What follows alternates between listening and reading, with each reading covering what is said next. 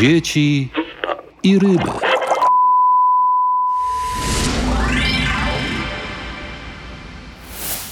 Rosjanie będą zarabiali nawet tyle, co teraz, a być może nawet więcej ten sposób Iwona Wiśniewska z Ośrodka Studiów Wschodnich skomentowała skutki ewentualnego wprowadzenia limitu cenowego na rosyjską ropę. USA, państwa grupy G7 i Unia Europejska od 5 grudnia planują ograniczyć ceny dostaw ropy naftowej drogą morską, żeby jak tłumaczą uniemożliwić Rosji czerpanie wysokich zysków z ropy naftowej, zapewniając jednocześnie, że surowiec będzie mógł dalej płynąć na światowe rynki. Rządy państw Unii Europejskiej ciągle nie mogą jednak ustalić maksymalnej ceny, po jakiej Rosja będzie będzie mogła od przyszłego tygodnia, kiedy mają obowiązywać limity na ten surowiec, eksportować swoją ropę naftową.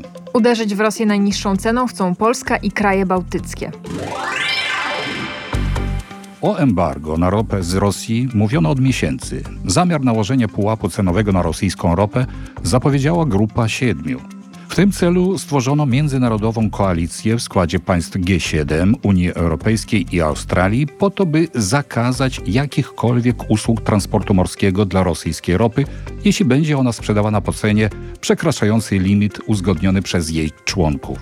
Czyli będzie można handlować rosyjską ropą, ale nie drożej niż się ustali.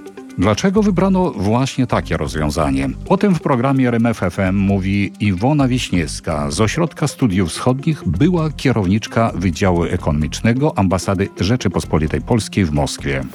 Wydaje mi się, że jest to przede wszystkim związane z tym, że państwa zachodnie przestraszyły się rzeczywistych konsekwencji dla globalnego rynku ropy naftowej wprowadzenia embarga, że konsekwencją wprowadzenia całkowitego zakazu eksportu, obsługi rosyjskiego eksportu do państw trzecich może być po prostu wzrost cen ropy naftowej. Ustanowienie maksimum cenowego dla rosyjskiego surowca ma być częścią sankcji mających na celu zmniejszenie dochodów i zdolności Rosji do finansowania operacji specjalnej na Ukrainie, tłumaczy przedsiębiorca, znawca zagadnień z zakresu finansów Damian Olszewski.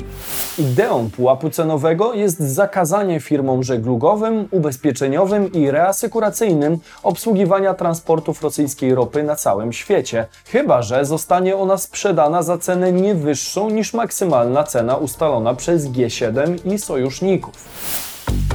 Większość krajów unijnych poparła pomysł ustalenia limitu ceny ropy z Rosji na poziomie 60-65 dolarów za baryłkę.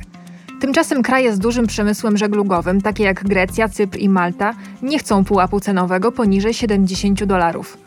Polska i kraje bałtyckie uznały takie warunki za zbyt korzystne dla Moskwy – ich zdaniem cena powinna być o połowę niższa, na poziomie 30 dolarów za baryłkę. Jeśli mamy uderzyć Rosjan po kieszeni, to musi być to realistyczne. Chodzi o to, by zmniejszyć rosyjskie przychody, a nie zachować je na tym samym poziomie. Mówił stały przedstawiciel Polski przy Unii Europejskiej Andrzej Sadoś, tłumacząc, dlaczego blokuje się ustalenia wypracowane przez ministrów do spraw energii większości krajów Unii Europejskiej. Przez pierwsze 10 miesięcy tego roku ceny ropy w europejskich portach były bardzo wysokie średnio około 80 dolarów za baryłkę. Z kolei rosyjska ropa Ural notowana jest obecnie po około 68 dolarów za baryłkę. Tymczasem koszt produkcji ropy szacuje się na 20 dolarów za baryłkę. Trzeba przyznać, że trudno byłoby uznać limit w granicach 65 dolarów za dotkliwy dla Rosji, która dalej sprzedaje zaledwie 2% ropy mniej niż sprzedawała przed lutym 2022 roku. Tak czy inaczej będzie miała zysk. Pytanie polega tylko na tym, czy Rosja zechce sprzedawać surowiec po niskich cenach. Zastanawia się w rozmowie z redaktorem podcastu Dzieci i Ryby dr Adam Michalik z Uniwersytetu Ekonomicznego w Krakowie. Żeby ktoś kupił po danej cenie produkt, no, no musi ktoś chcieć też go sprzedać. Eksperci wskazują, że wprowadzenie limitów cenowych może skutkować kłopotami z nabyciem surowca. Wiele krajów produkujących ropę również sprzeciwia się takiemu działaniu antyrynkowemu, uważając, że zakłóca to łańcuchy dostaw i może znacząco skomplikować sytuację na światowych rynkach energetycznych. W przekonaniu rzeczniczki rosyjskiego MSZ Marii Zacharowej takie posunięcie może stworzyć niebezpieczny precedens dla światowego handlu. Bezpardonowe dyktowanie cen ropy naftowej podważa światowy system handlowy i tworzy niebezpieczny precedens nie tylko na rynku energii, ale dla całego handlu międzynarodowego. Gwałtowny wzrost poziomu zakupów rosyjskich produktów naftowych w przededniu wprowadzenia tak zwanego embarga świadczy tylko o tym, że jednostronne ograniczenia Zachodu, nacisk Zachodu na upolitycznienie współpracy energetycznej szkodzą gospodarkom wszystkich krajów, w tym państwom, które inicjują nielegalne działania, powiedziała Maria Zacharowa. Warto podkreślić, że w odniesieniu do produkcji ropy i wielkości jej eksportu Rosja kontynuuje konstruktywną współpracę ze swoimi partnerami z OPEC w interesie stabilizacji rynku ropy. Kraje produkujące ropę bardzo dobrze rozumieją, że dzisiaj limity są skierowane przeciwko Rosji, a jutro mogą być zastosowane wobec każdego innego kraju z powodów politycznych lub czysto ekonomicznych. Rosja już zapowiedziała, że nie będzie sprzedawać ropy krajom, które będą uwzględniać limit i nie martwi się tym, jaki będzie pułap cen ropy. Albo zorientuje się na rynek partnerów, przede wszystkim azjatycki, albo zmniejszy produkcję, co spowoduje wzrost cen surowca. Czego więc oczekują europejscy odbiorcy ropy i jak na to zareaguje Rosja? Mówi o tym dr Michalik. Rosjanie nie będą chcieli sprzedawać e, surowców na rynek europejski po narzuconych cenach. Oczywiście jest bardzo możliwe i poszukiwanie nowych odbiorców, zresztą Rosja o tym mówi od dłuższego czasu, głównie skupiając się zapewne na rynkach azjatyckich i pozaeuropejskich ogólnie. Trudno mi jednoznacznie spekulować. Powiem tak, że może to być próba wywarcia takiej presji na rynek celem obniżki ceny. Najważniejsze to, że będzie ta dostawa zapewniona i że w zimie nie czeka nas poważny kryzys energetyczny. Pragmatyzm w oczekiwaniach zwykłych Polaków jest w pełni zrozumiały, ale polskie władze wcale nie kierują się w swoich decyzjach pragmatycznymi względami. Ważniejsze dla nich jest to, żeby jak najbardziej zaszkodzić Rosji. Dlatego zapewne proponują najniższą cenę na rosyjską ropę, obstając przy swoim – nie patrząc na to, że jak pisze Financial Times, propozycja Polski może rozbić jedność Unii Europejskiej i negocjacje na długo znajdą się w impasie. Stany Zjednoczone naciskają na Unię Europejską, by jak najszybciej wprowadziła pułap cenowy na rosyjską ropę. Amerykanie dołączyli do dyskusji z Unią, aby przekonać Polskę i kilka innych krajów do zgody odnośnie ceny. O roli Waszyngtonu we wprowadzeniu przez kraje zachodnie limitu cen na rosyjskie węglowodory pisze wydanie Global Times. Obniżenie pułapu cen rosyjskiej ropy przynosi korzyści tylko USA. Taką opinię wyraził Lee Haidong, profesor z Chińskiego Uniwersytetu Spraw Zagranicznych. Taktyka Stanów Zjednoczonych jest następująca. Stawiają one państwa europejskie na pierwszej linii frontu, prowokując Rosję, podczas gdy sam Waszyngton chowa się i liczy pieniądze, a tymczasem Bruksela i Moskwa nakładają wzajemnie sankcje, podsumował Lee Hajdong. W podobnym tonie w rozmowie z redaktorem podcastu Dzieci i Ryby wypowiedział się politolog dr Leszek Sykulski.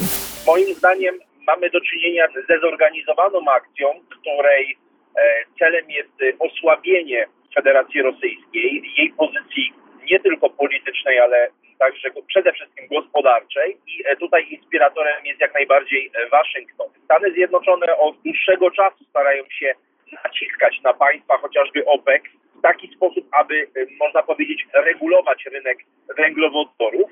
Było to chociażby widoczne podczas nacisków na Arabię Saudyjską. Natomiast obecna sytuacja jest związana moim zdaniem również ze wzrostem znaczenia grupy BRICS.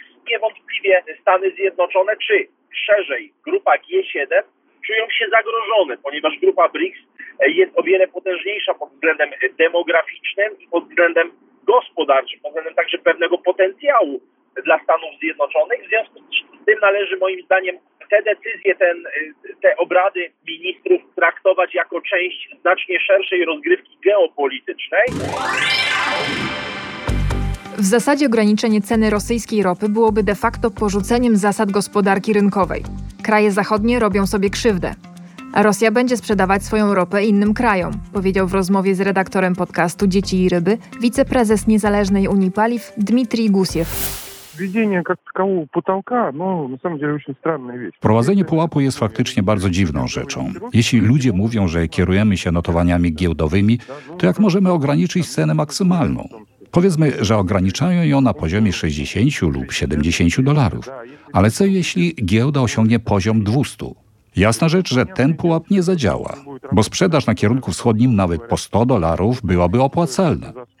Kraje zachodnie mają doświadczenie zarówno w nakładaniu sankcji, jak i w ich omijaniu. Jednocześnie na rynku światowym jak zwykle będą zarabiać traderzy. Dla Polski propozycja nałożenia limitu cen na rosyjską ropę jest w ogóle absurdalna, bo jest największym hubem przeładunkowym do Europy. Najwyraźniej chce stać się swego rodzaju państwem tranzytowym, które będzie kształtować ceny gazu i produktów petrochemicznych dla całej Europy, mówi Dmitrij Gusiew. Rozszerzając sankcje wobec Rosji, Unia Europejska właściwie żegna się z gospodarką rynkową, wolnym handlem światowym i racjonalną polityką zagraniczną. Był to kolejny odcinek podcastu Dzieci i ryby głosu nie mają.